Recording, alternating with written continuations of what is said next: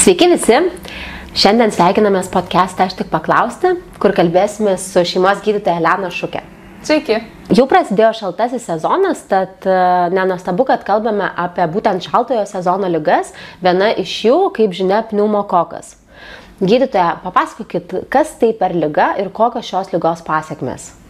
Pats pneumokokas, žinoma, yra ne lyga, tai yra tiesiog bakterijos pavadinimas. E, pilnas jis yra streptokokus pneumonija, tai yra streptokokas sukeliantis plaučių uždegimą, taip jau visiškai pažodžiui.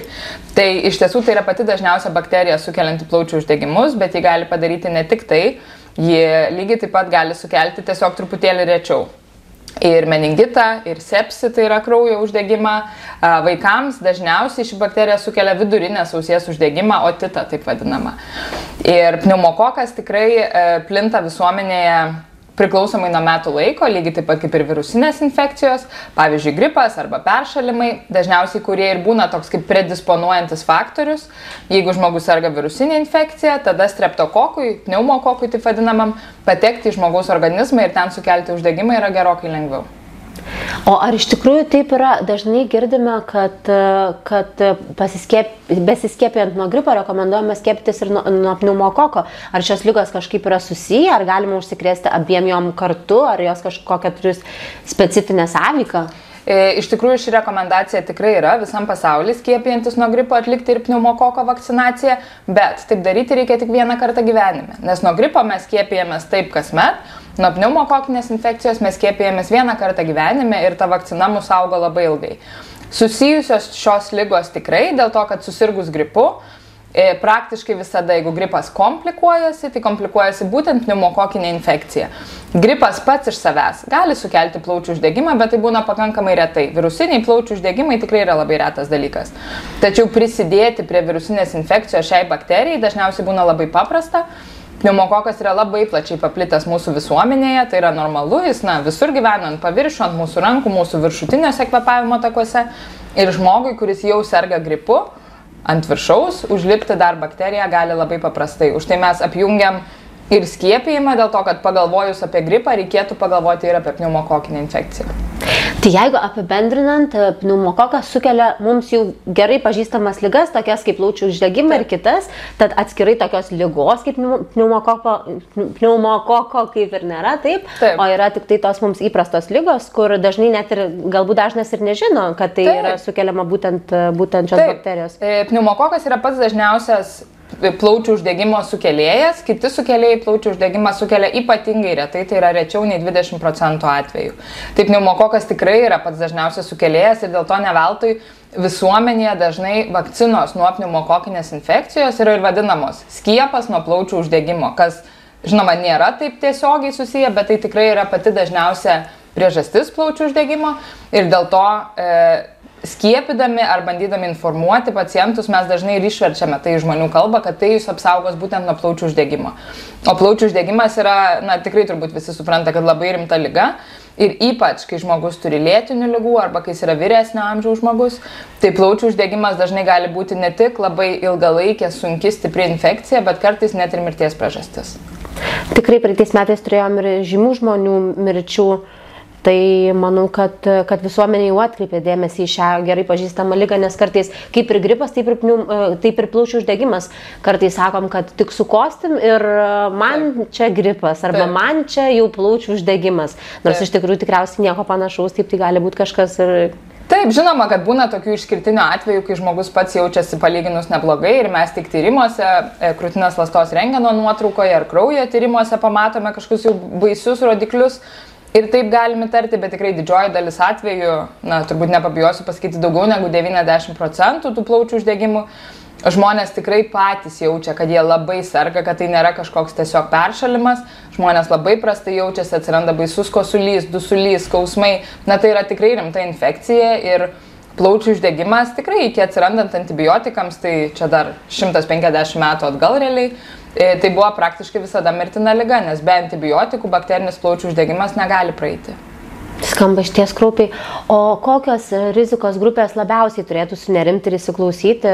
Galbūt galėtumėte išskirti keletą ir papasakoti, kam labiausiai reikėtų saugotis? E, pneumokokinė infekcija yra pati pavojingiausia e, yra pavojingiausia vaikams iki penkerių metų amžiaus, dėl to, kad jis sukelia, dažniausiai vaikams sukelia ne plaučių uždegimą, o vidurinės ausies uždegimą, bet visi, kas suaugę yra turėję ausies uždegimą, žino, kad irgi yra baisus dalykas, tai yra skausmas, karščiavimas, na tikrai labai nemalonu.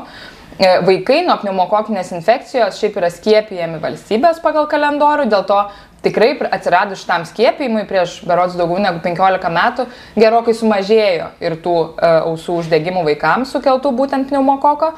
E, taip pat labai labai didelę riziką turi vyresni nei 65 metų žmonės, nes tikrai turbūt ir aplinkoje savo daugelis žino, kad vyresnio amžiaus žmogus susirgęs plaučių uždegimu jau labai e, dažnai turi ir liekamuosius reiškinius, sumažėja jo savarankiškumas, lieka kažkokios komplikacijos po to.